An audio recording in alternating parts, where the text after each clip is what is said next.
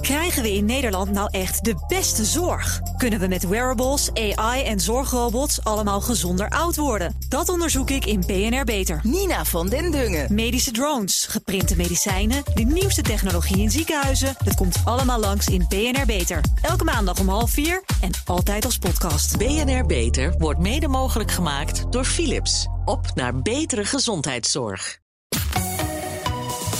BNR Nieuwsradio. Boekenstein en de Wijk. Hugo Rijksma. Een kijkje binnen bij Vladimir Poetin in diens privépaleis aan de Zwarte Zee. Met casino, zwembad, theater en salon met paaldanspaal. En ironisch commentaar van de maker, Alexei Navalny. hey, dit, dit is een soort zondag met Navalny. Die gast is de Russische Arjen Lubach. Arjen Lubach herkende zijn werk drie jaar geleden al toen Navalny precies zo'n filmpje maakte over de wilde van Poetins handlanger Medvedev. Toen gingen door het hele land tienduizenden de straat op tegen corruptie. Dit weekend staat opnieuw protest gepland. Welkom bij Boekenstein en de Wijk, op zoek naar de nieuwe wereldorde. Met liefhebber van Society Minnend Rusland, Arend-Jan Boekenstein. en hij is vooral liefhebber van elke keer dat Poetin voor lul staat. Rob de Wijk. Onze gast is Robert van der Noorda, onderzoeksjournalist en connoisseur van Russische propaganda. Welkom. Dank u. Robert, over propaganda gesproken. Dat filmpje van uh, Navalny, of een film eigenlijk, duurt uh, bijna twee uur. Die is wel leuk gemaakt, hè? Geniaal, ja. 40 miljoen keer bekeken, dat snap ik ook wel. Ik, ik zag overigens op Instagram hebben Navalny's organisatie een filter gemaakt waarmee je dan jezelf in het paleis kan laten zien en een selfie maken. Dus er, er wordt echt werk van gemaakt om Poetin uh, voor paal te zetten hier. Oh, die ga ik ook doen. Die heb ik nog niet gezien. Daar ga ik even naar kijken, ja. Tamelijk moedig ook overigens, net uitgekomen na zijn arrestatie. Hè? Ja, dat was echt uh, zeer bold, uh, die, die move inderdaad. Van, uh, eerst vliegen we terug met een vliegtuig vol met, uh, met pers erin en dan knallen we die er nog eventjes in. Dat was wel echt een enorme middelvinger in het gezicht van uh, de heer Poetin. Ja. We, weten we eigenlijk hoe, dat, uh, hoe die beelden tot stand zijn gekomen? Hoe weet je hoe dat in dat paleis eraan toe gaat? Ja, hij heeft, hij heeft, mensen gevonden die, die dat soort dingen lekken. Daar is hij natuurlijk goed in. Ik bedoel, dit is niet de eerste die die laat zien. Deze is wel heel extreem.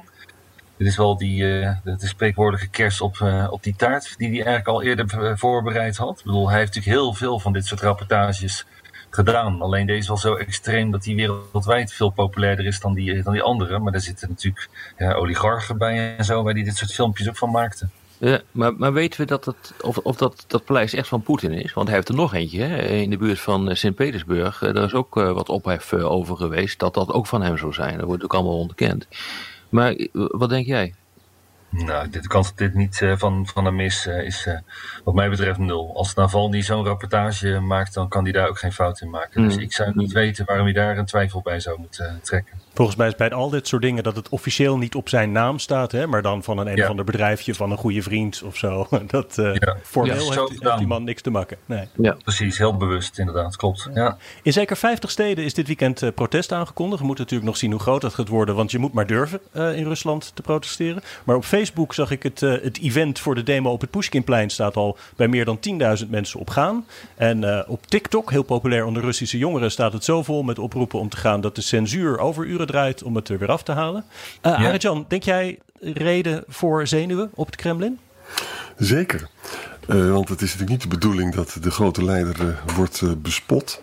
En wat met name zorgwekkend voor Poetin is, is dat je nu ook indicaties ziet dat in de Russische elite zelf mensen zich afvragen van ja, luister eens, Poetin is misschien toch ook niet voert niet het meest geweldige economische beleid. Mm -hmm. En heel misschien moeten we toch ook eens gaan kijken naar, naar iemand anders. Dus het, het splijt dus ook de elite zelf. Maar wie is die elite dan, uh, Arend Jan? Nou ja, dat is, dat is interessant. In, in de Russische maatschappij is, is een groot probleem met de opvolgingen. In autocratie is de opvolgingen nooit hmm. vlekkeloos. Dus dan gaan de oligarchen met elkaar praten. En ze gaan praten met uh, mensen met uniforms. En kunnen misschien ook nog iets anders bedenken. En mensen die toch al bezwaar hadden tegen het economische beleid van Poetin. Die denken ook van, nou, misschien moeten we toch eens ook wat anders gaan bedenken. Ja, dus ik weet is, niet hoor. Ja. Ik weet niet hoor. Het is natuurlijk een uh, kleptocratie hè. En dat is wel een uh, redelijk unieke regeringsvorm, mag je zeggen, in Europa. maar dat, dat betekent dus toch feitelijk dat je een kliek hebt. Inderdaad, van oligarchen, extreem rijk, rijke mensen die elkaar allemaal de bal toespelen. Dat is gewoon een netwerk en Poetin vormt daar het centrum van. Ja, weet je, dat houdt elkaar wel heel erg lang vast hoor. Dus dat soort berichten dat die oligarchen gaan schuiven, ik weet het niet, want die zijn dus namelijk ook hun positie, die hebben hun positie te danken aan Poetin. En dat is niet andersom. maar weet je wat het probleem is, Rob? Het probleem is dat Poetin heeft ook ruzie met sommige oligarchen. Hè? Dus je kunt twee dingen doen. Je kunt als oligarch uh, samenwerken met Poetin. Maar als je denkt dat het systeem gaat veranderen, dan moet je vooral ook heel dicht bij de nieuwe machthebbers zitten. Dus het, is, Ja. het wordt er Ja. toch instabieler door. Ja, ik weet het niet hoor. Ik, je zou gelijk kunnen hebben, maar ik zie echt die grote veranderingen op dit ogenblik eh, niet. Hè. Kijk, eh, dat er mogelijkwijs zaterdag eh, grote demonstraties eh, zijn gepland, eh, dat is niet nieuw. In 2012 volgens mij waren er ook al enorme demo, demonstraties, ook Ja. tegen Poetin. Dus ik bedoel, dat is niet nieuw. Eh, ook zeg maar door de lage olieprijzen, het feit dat het economisch daardoor ook wat slechter gaat. Pensioenen die worden gekapt. Zie je ook dat er onrust is ontstaan. Maar het is nooit echt uit de klauwen gelopen. En ik zie niet goed in hoe dat nou wel uit de klauwen zou kunnen lopen. Maar misschien ziek, over zieken, eh, ziek is over het hoofd hoor. Wat denk, wat denk jij ervan, Robert?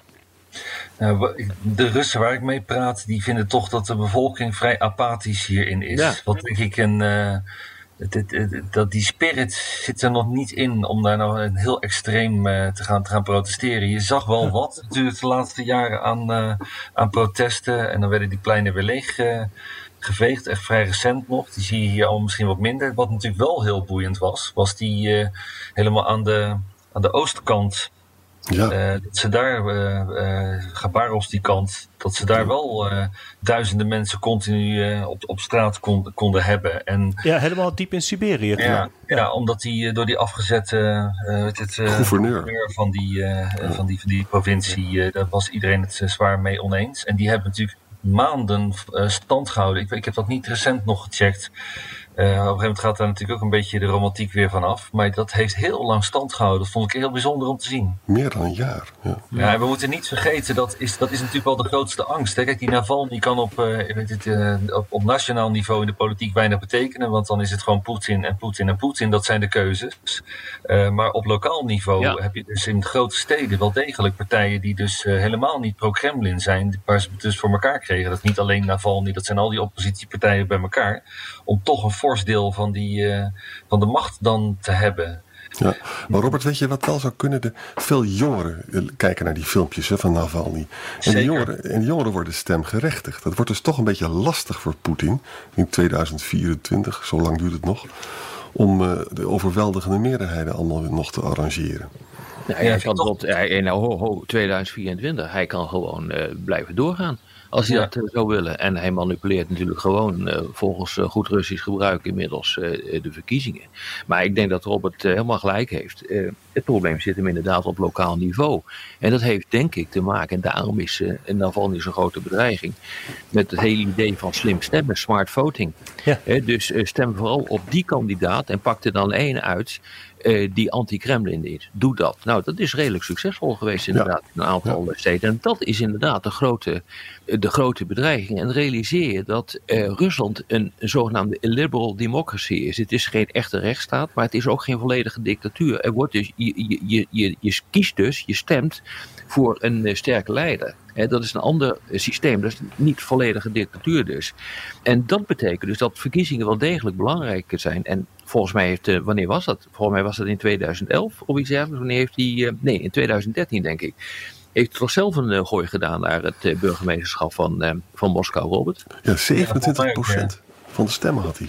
Ja, klopt. Maar goed, weet je, het punt is nu, de, vanochtend, ik weet niet of jullie dat gezien hebben, maar Bloomberg die had mogelijk een primeur als dat doorgaat. Maar die mm. zeiden dat ze Intel hadden dat ze van plan zijn om hem 13 jaar in de cel te zetten. Tjonge. Ja, dat kan. Ja, dat kan. Ja. Is natuurlijk me ook uh, gebeurd. Hè? Die, uh, de man, uh, de grote olieboer zeg maar, van, van Rusland, die hebben ze ook om dubieuze redenen de cel ingezet. Ja, je kan Ja. het proberen te doen. Maar dat levert ook geweldige problemen op hoor. Want je maakt dan een martelaar uh, Ja. van iemand. Dat hebben we natuurlijk met Khodorkovsky uh, gezien. Dat is niet best. En, dat, en dat, dat verandert natuurlijk ook de situatie totaal in de relatie met, uh, met het Westen. Dat Westen heeft uh, de arrestatie van Navalny, zoals eerder de vergiftiging, natuurlijk hard veroordeeld. Nederland, Europa en nu ook de nieuwe regering uh, in Amerika. Helpt Ja. dat? Zeker. Biden zal veel scherper aan de wind varen met Rusland dan Trump. Niet dat het allemaal voldoende is, maar dat zal wel de druk verhogen. Ja, ik weet het niet. Hè. Die hele discussie hebben we ook gehad met uh. Die is ook gewoon voor vele jaren de bak in uh, gedraaid. En die is uiteindelijk uitgekomen. Die woont nou in het Westen. Ik weet het niet of ze zich daar zoveel aan laten gelegen, uh, gelegen liggen. En dat heeft vooral ook te maken met het feit dat er in Rusland dingen gebeuren waarvan je denkt, ja, dat is helemaal tegen je eigen nationale belang in. Waarom doe je dat? de, de Krim, die in 2014 geannexeerd is je komt op randkoersen liggen met een deel van de wereld waar je voor je handel uh, het meest van afhankelijk bent, de Europese Unie, en toch doe je het. Ja, ja, nee, daar worden er gewoon besluiten genomen die objectief gezien niet echt het nationale belang van Rusland uh, dienen. Er zijn ook nog niet echt veel consequenties geweest, toch? Van die druk uit het Westen. Er zijn wel sancties vanwege de Krim, maar niet vanwege Navalny gekomen. Jawel, er zijn, er zijn volgens mij zes uh, functionarissen die zijn uh, nu onder druk uh, gezet. Die hebben ah. een uitreisverbod gekregen. Onder andere de baas van de FSB, dus de, de Binnenlandse Veiligheidsdienst die erachter zou, zou zitten. er zijn sancties afgekondigd in de richting van een laboratorium. Uh, en op dit ogenblik wordt er uh, nagedacht, uh, ook in het Europese parlement, om die sancties af, aan te scherpen. Bovendien ehm, wordt er steeds harder nagedacht, nu ook vanuit het Europese parlement, om Nord Stream 2, de grote ja. nieuwe pijpleiding vanuit Rusland naar Duitsland, om die uiteindelijk toch stop te, te, zetten. Dat komt steeds terug, hè? Nord Stream ja, 2 krijgt... nog net niet klaar, dat project. Nee, krijgt, en Biden wil dat ook. Hè? Zin, hè? ja. Ja, Trump heeft al uh, mogelijkheden gemaakt om hele zware sancties te zetten op landen zoals uh, Denemarken en zo, die ook inderdaad uh, meedoen ja. met die. als je dat in gaat zetten, ja, dat kan wel eens een laatste push worden om het inderdaad werkelijkheid te maken. Ja, is al ingezet. Is al ingezet. die wetgeving die stamt van eind 2019. toen, dat heeft er inderdaad toe geleid dat bedrijven zich hebben teruggetrokken uit uit Nord Stream 2. Uh, Allseas, een Nederlands-Zwitserse firma, heeft dat uh, gedaan.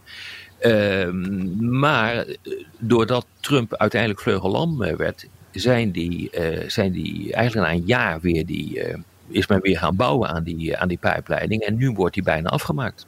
Klopt. Ja. En ook die nieuwe partijvoorzitter van de, de, de CDU, hè, Lachette. Die blijkt ook echt een Poetin-versteer te zijn. Hè? Bleek uit al die citaten in het verleden. Die zelfs ook een beetje met Skripal zijn. Want ik weet niet of de Russen daarachter zaten. En bij, ja, bij de annexatie van de Krim, Krim zei hij... laten we nou niet zo populistisch tegen Poetin uh, tekeer gaan. Ja. ja. ja. Ja, dat is wel echt een uh, groot probleem hoor. Het Nord Stream, dat zou Poetin natuurlijk wel echt pijn doen. Maar ja. denken jullie dat, dat Duitsland door de knieën gaat? Lijkt er niet op. Lijkt er niet ja. op. Uh, kijk, toen dit speelde met Navalny en toen uh, Poetin begon te roepen: jullie hebben waarschijnlijk zelf uh, Navalny vergiftigd. toen is Merkel heel erg boos geworden. Toen heeft ze wel overwogen om de verdere aanleg van, van Nord Stream 2 te blokkeren. En dat, ja, dat lijkt nu weer een heel klein beetje onder druk van het Europees Parlement op tafel te komen te liggen. BNR Nieuwsradio. Boekenstein en de Wijk. Op zoek naar de nieuwe wereldorde. Dit is Boekenstein en de Wijk. En dat programma is natuurlijk niet zonder Arjan Boekenstein en Rob de Wijk. Mijn naam is Hugo Reitsma en onze gast is Robert van der Noorda, onderzoeksjournalist gespecialiseerd in Russische propaganda, desinformatie en trollen. Ook met het bedrijf Troll Rensics. Uh, Robert, leg dat eens uit. Is dat een soort trollenonderzoeksbureau? Ja, wat, we, wat ik samen met een, uh, ICT-expert uh, ben gaan doen. Die ken ik al jaren. Die is ontzettend goed in social media. Zijn we eigenlijk alles wat ik jarenlang met de hand deed. Daar zijn we software voor gaan uh, ontwikkelen. En dan kan je dus inderdaad georganiseerde inauthentiek gedrag opsporen op, uh, op social media. Dat is niet alleen op Twitter, maar dat kan je dan ook op TikTok en Instagram en dat soort kanalen. Om eigenlijk die strijd tegen dat ja, propaganda uh, meer aan te gaan. En ja. Ja, onderzoeken die me normaal drie maanden kosten, kan ik nou in twee uur met die, met die software. Wauw. Het is een beetje Bellingcat-achtig, doet het me aan denken. Ja, dat, daar werken we af en toe ook wel een klein beetje mee samen. We hebben dat ook daar gepresenteerd laatst van die hele groep van, van, van Bellingcat. Maar het, die zitten iets minder in die trollonderzoeken. En wat doet het, het Europese initiatief EU versus Disinfo? Uh, in hoeverre wijkt dat af uh, van jullie? Want dat is ook uh, bedoeld om allerlei fake news en complottheorieën naar boven te krijgen. Ja, nou dat, dat lijkt daar in, die, in zekere zin op. Uh, behalve dat er ook best wel veel artikelen bij zitten die uh, niet specifiek uh, uitgevoerd worden met dit soort software. En het, het is wel grappig dat je die naam noemt, want we hebben toevallig een paar weken geleden met een team van die mensen gesproken. Alleen uiteindelijk was de conclusie dat we nog een keer verder moeten praten. En ik kan technisch nog niet inschatten in hoeverre zij ja, andere dingen hebben of meer hebben of wat dan ook, weet ik niet. Dus dat, en waarom dat is wel iets dat loopt. vaak zoiets? Want dat ligt inderdaad voor de hand dat je daarmee gaat samenwerken. Nou, ik denk, dat weet ik niet. Het is in ieder geval, kijk, wat, wat ik interessant vind is eh, dat soort partijen. eh, wat kunnen ze en wat kunnen ze vooral niet? En op het moment dat, het, dat ik weet wat ze willen en wat ze niet kunnen, nou, dan kan je, dus, kan je dus gaan bouwen. Dus we zijn dingen gaan bouwen, nu ook de, laatste anderhalf jaar, die dus ja, gewoon eh, niet bestonden eerder. En dat loopt heel, heel goed. Hey Robert, je hebt veel onderzoek gedaan. Hè? Vertel eens wat je allemaal hebt gevonden over de MH17 en de Russische beïnvloeding daarvan, van die berichtgeving. Ja, ik zal, ik zal drie zinnen aan de achtergrond wijden. Ik heb zelf eh, jarenlang in Rusland en Oekraïne gewoond. Het allebei fantastische landen. Ehm, ik, wat ik toen ben gaan doen, is toen die, eh, die, die oorlog begon eigenlijk in, in Oekraïne, ben ik gaan monitoren wat en hoe eh, Rusland over de grens duwde. En een van de dingen die, die ik daarbij vond, dat heb ik later ook eens een keer in een artikel over de Groene Amsterdammer gezet, is ehm, dat, dat die boek stond de ochtend voor het neerhalen, stond in een of ander stadje. Dat was Associated Press, die die lui zelfs ge- gesproken hebben. Ze mochten toen helaas geen foto's nemen van dat ding. Eh, maar dat, dat, dus voor die ramp was het al bekend dat dat ding er stond. En toen die, die dag zelf vloog ik van Moskou naar Kiev. En feitelijk is die vlucht over me heen gevlogen. En vervolgens, eh, ja, ik was geland net en dat ding is neergehaald. En toen dacht ik van, eh, nou ga ik echt gewoon alles op alles zetten om daar echt tot het laatste detail op te graven. Dus dat heb ik echt ja, de laatste zes jaar gedaan. Eh, soms hele lange onderzoeken. Ja, ik denk dat de, de meest op, opzienbarende daar, dat ging wereldwijd enorm viral. Dat verscheen zelfs in de Wall Street Journal, was dat Rusland de dag na het neerhalen ruim 65.000 tweets stuurde Ja. dat Oekraïne het Oh, gedaan ja. had. Oh, dat was van jou. En eh, de grap was dat de avond zelf, dat was heel bijzonder, dat die trollen eigenlijk allemaal zelf zeiden van, oh, dat zijn die separatisten en die wezen nog zelfs specifiek naar Strelkov. Dus daar zaten ze eigenlijk op één lijn met alle internationale pers. Iedereen zei hetzelfde. En toen heeft 's ochtends om 11 uur de volgende dag heeft de chef eh, van de toko eh, van die trollentent in eh, Sint-Petersburg gezegd van nee, dat, eh, dat is allemaal niet zo handig dit. We gaan nu met eh, een paar duizend accounts gaan we echt gewoon beuken. Dat is de allergrootste campagne ooit in dat, eh, Ja. in dat, eh, in dat leger eh, geweest. Dat blijft ook een soort onuitputtelijke bron van, eh, van dingen om, eh, om, om te onderzoeken. Dus, Ja, eh, Zie je nou dat dat, houdt- dat soort patronen hè? veranderen door COVID en nu door Navalny? Wat, wat voor impact heeft dat eigenlijk zeg maar, op het fake nieuws en allerlei complotten die uit, uit Russische koken zouden komen? Kijk, die Russen zijn dol op plekken opzoeken waar, van iets wat een, de- wat, wat een, een land kan splitsen. Ja. Dus soms, soms verwacht je dat ook niet. Zijn, toen we eens verder gingen zoeken in die, eh, wat die Russen nou deden, kwamen we op een gegeven moment op een eh, verhaal dat in België, bij die aanval op dat Zaventem Airport, die bomaanslagen, dat ze daar ook vol op zaten. Dat is ook de enorme piek aan, aan tweets, omdat dat iets is. Ja, dan kunnen ze een soort eh, van, ah, we moeten die mensen allemaal het land uitsturen of zelfs afschieten en zo. Dat was heel extreem wat daar getweet werd. Dat was ook datzelfde. le- Er zijn veel meer legers dan die alleen in Sint-Petersburg, overigens. Eh, maar die, ja, die duiken dus op dit soort onderwerpen. Je ziet wel dat het verandert door de, door de jaren heen. Dus ze worden wel slimmer en het is minder makkelijk te, te detecteren. Je ziet wel dat wereldwijd, en dat wordt wel aangewakkerd dus door die Russen en eh, Trump met al zijn propaganda, is dat je een enorme stijging ziet in het aantal van dit soort campagnes. En dat zijn vaak ook niet eens van, een- van een land die in een ander land iets probeert te doen. Dat zijn vaak dingen in een land, een bepaalde politieke partij, een bepaalde groep. En daar zie je echt, eh, in 2017 waren het, meen ik, 28. 2018 zaten ze op 48. September 2019 liep die al op naar 70. En dat rapport van die nieuwe, die moet ik nog lezen, die is net uit. Maar dan was het weer gestegen. Hmm. Dus het, het werkt heel goed. Ik bedoel, je kan, eh, jij en ik kunnen in een eh, paar uur tijd een enorm trollenleger aanmaken. Nou, dan gaan we, gaan we disinfo zitten, zitten pompen. En social media platforms doen daar bijzonder weinig aan. Eh, dus eh het loont. En er is ook samenwerking tussen Nederlandse trollen en de Russen, heb je laten zien. Hè? Nou, dat samenwerking als zodanig zou ik niet zo plaatsen. Maar er was wel veel interactie tussen die, eh, die trollen. En wat mensen niet beseffen, uh, want ik kreeg op een gegeven moment een commentaar, ja, maar dat wordt ik heel veel in het Russisch getweet. Maar dat is dus gewoon Nee. niet relevant. Als je laat zien, onderzoek laat zien dat, eh, weet je wel, die heb je ook een groep mensen Russisch sprekende, mensen uit Rusland en anders Russisch sprekende landen. Die tweeten er één keer over in het nieuws. RT en dat soort eh, nieuws hebben ook allemaal eh, buitenlandse zenders in verschillende talen. Dus dit soort hoaxes en nepnieuws, dat mag dan, als het de ene dag getweet wordt in het Russisch, dan is het bijna dezelfde dag nog in de andere talen ook te vinden. En wat dat betreft speelt Nederland denk ik wel een hele bijzondere rol in die hele propagandahoek. Want eh, ja, ik bedoel, we hebben al die international courts hier, we hebben MH17, et cetera. Dat betekent dat we in Europa, ik denk vrij hoog in de lijst staan qua Russische propaganda. Dat wordt zwaar onderschat. Ja, dat klopt. Ja, ja het heeft ook nog wel andere redenen. Ja. Het mooie natuurlijk aan, de- aan de zaak Navalny, om daar een beetje eh, richting terug te gaan, is dat hij Poetin eigenlijk een beetje een koekje van eigen deeg eh, geeft. Hij is Poetin dan weer aan het trollen. Maar Robert, geef je hem ook een goede kans?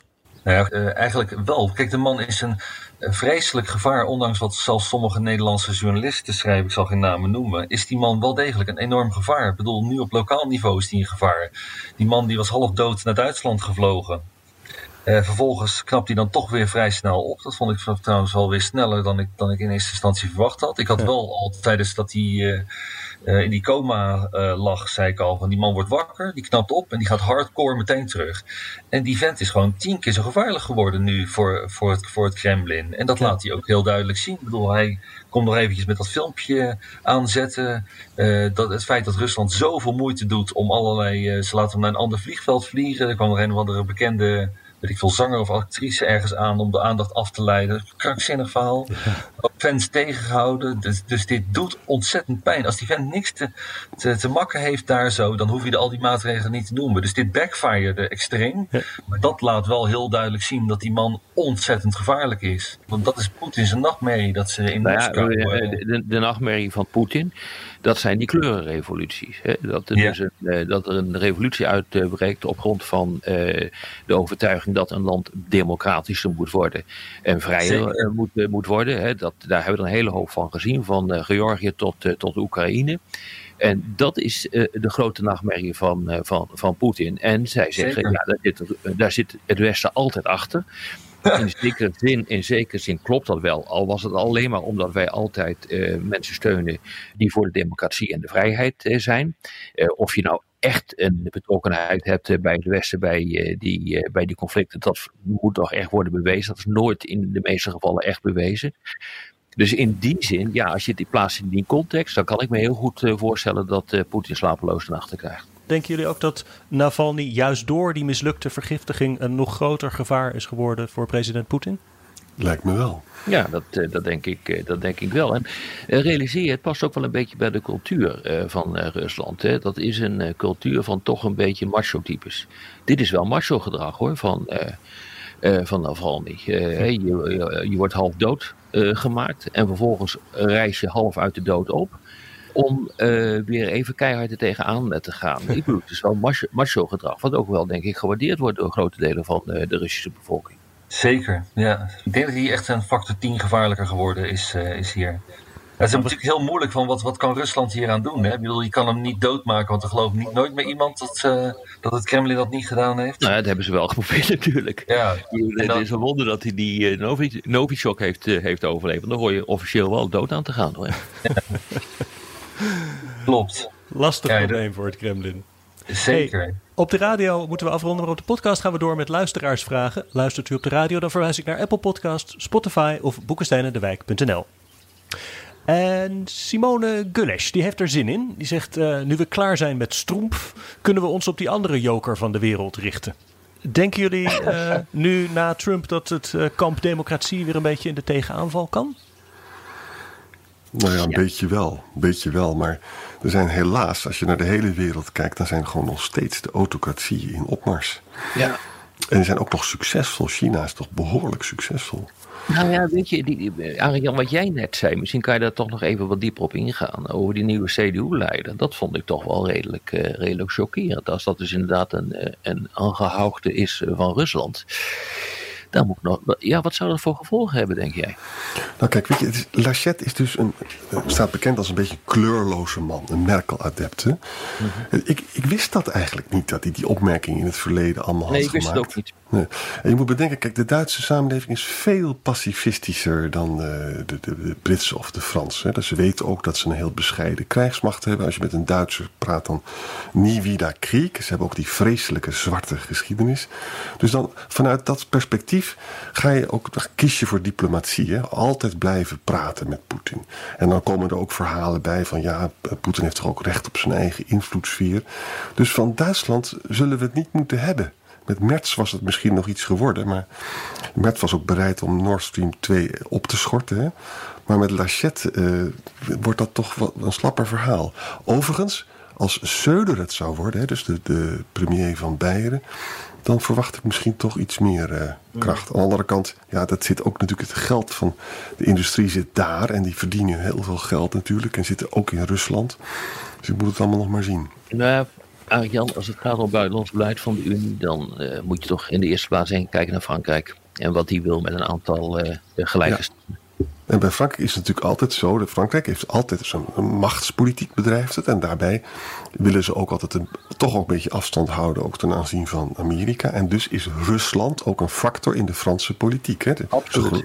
Dus, dus, dus wat dat betreft, eh, Poetin staat er niet zo slecht voor. Maar Biden is wel jammer dat dat gebeurd is voor Poetin. Want die gaat meer eh, dingen doen, denk ik. Wim Heijnen vraagt: Heeft Navalny eigenlijk een bredere agenda dan alleen corruptie en corrupte politieke leiders aanpakken? Ja, zelf de baas worden, denk ik. ja, Die, is, Ja. ja. die wil zelf eh, inderdaad aan de macht. Ja. Ja, heeft hij natuurlijk ook geprobeerd hè, door eh, burgemeester van, eh, van Moskou te worden. Dat is allemaal niet gelukt, maar dat wil hij natuurlijk zelf ook. Hè. Hij is presidentskandidaat. En dan is het natuurlijk heel erg interessant. Hè. Stel je nou voor dat hij dat voor elkaar krijgt. Wat voor leider zou dat dan zijn? Dat is denk ik een hele belangrijke vraag. En die, die, die wordt iedere keer maar, eh, eh, maar vermeden eh, in alle discussies die we hebben. Omdat er denk ik eh, als vanzelfsprekend van wordt uitgegaan dat deze man een rasdemocraat is die de, de beginselen van vrijheid hoog in de vaandel heeft staan. Ik zou daar Maar- voorzichtig mee zijn. Ik bedoel, hij, Ja, jij zegt het gelukkig, eh, eh, Robert, maar ik, ik denk dat je daar gelijk in hebt. Eh, de man is, is vrij conservatief. En bedoel, je zou verwachten dat als hij, eh, weet ik veel, als mensen, sommige mensen zien hem als een soort nieuwe Gorbachev of zo. En dan eh, Ja. de democratie hoog in het vaandel. Maar een van de eerste dingen die hij ooit riep was: als ik aan de macht kom, dan gaat die Krim niet meer terug. Ja, exact ja. Nou is dat ook vreselijk moeilijk in de praktijk om eh, iets wat zo lang al geannexeerd is, om dat weer eventjes onder, een, eh, onder het oude land te schuiven. Dus ik vraag me ook af of dat niet, dat gaat ook, zou ook enorme problemen geven. Maar kan je toch wel af gaan vragen of dit nou helemaal de, de, de Gorbachev is eh, die we voor ogen hebben dan? Wat, jullie verhaal bevestigt is, ik heb een, een student, een Rus, die bij mij inscriptie schrijft. En die schrijft dus over Navalny. En die woont in Moskou en die vliegt af en toe heen en weer.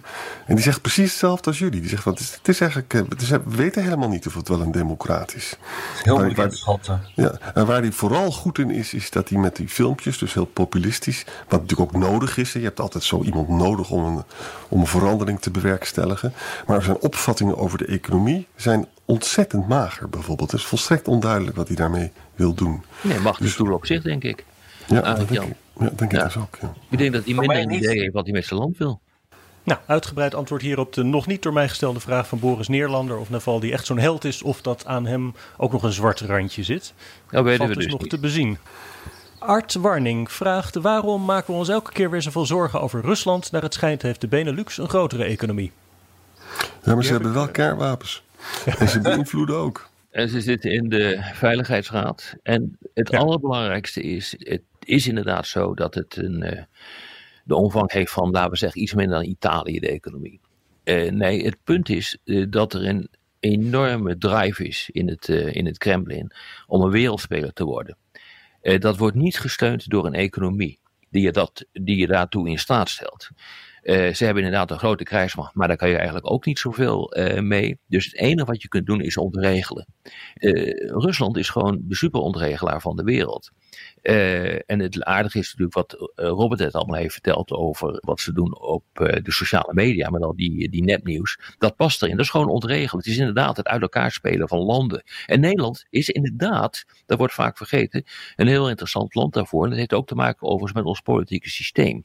Waar je de extreme vrij makkelijk kunt uitbuiten. En ervoor eh, zorgen dat, uh, laten we zeggen, er ook een scheiding begint te ontstaan in dit land. En we hebben natuurlijk ook types als uh, Baudet, die, uh, nou, die nu redelijk sympathiek staan ten opzichte van Rusland. Mm -hmm. Dus um, um, dat is wat Rusland doet. Het is eigenlijk een redelijk negatieve kracht. Uh, en ze hebben geen positieve agenda. Want je kan namelijk die macht ook op een hele andere manier gebruiken. Namelijk ten goede van die zo'n mensen bij elkaar te brengen. He, nou, dit is wat Trump doet. Uit elkaar spelen en niet wat Biden doet, bij elkaar brengen. En ze hebben gas. Ja, ja dus machtspolitiek. Lodewijk Hof vraagt, en hij is zeker niet de enige, waarom zoeken we juist niet ontspanning in de relatie met Rusland?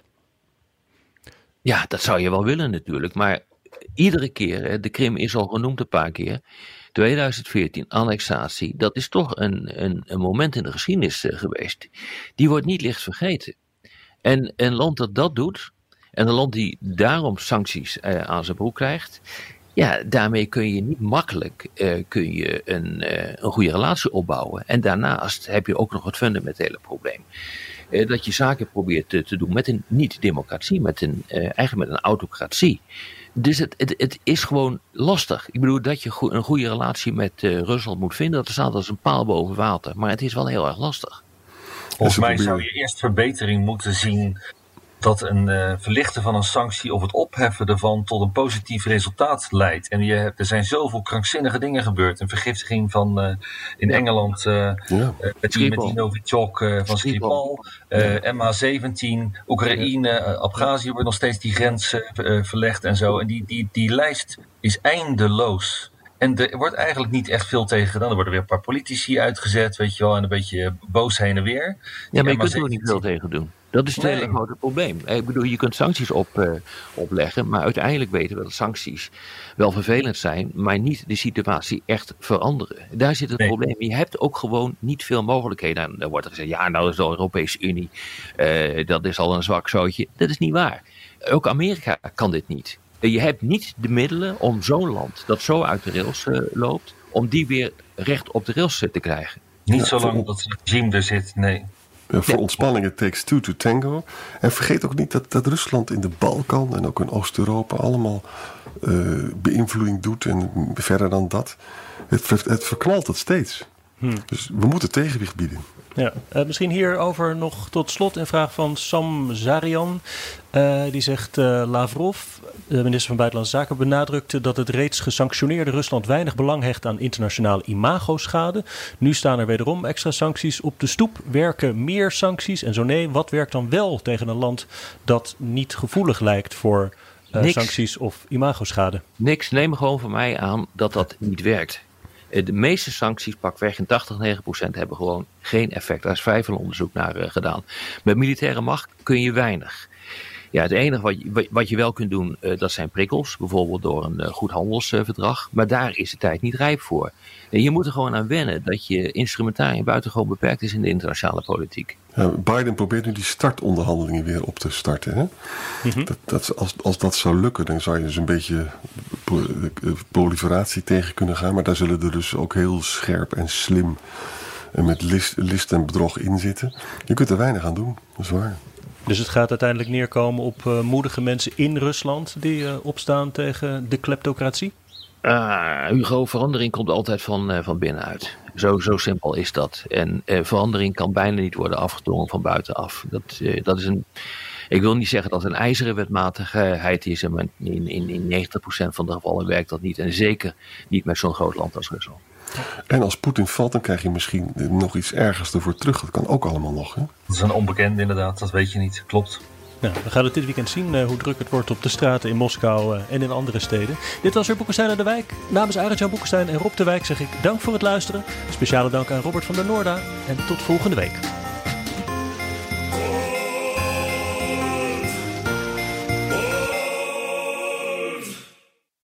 Krijgen we in Nederland nou echt de beste zorg? Kunnen we met wearables, AI en zorgrobots allemaal gezonder oud worden? Dat onderzoek ik in BNR Beter. Nina van den Dungen. Medische drones, geprinte medicijnen, de nieuwste technologie in ziekenhuizen. Dat komt allemaal langs in BNR Beter. Elke maandag om half vier en altijd als podcast. BNR Beter wordt mede mogelijk gemaakt door Philips. Op naar betere gezondheidszorg.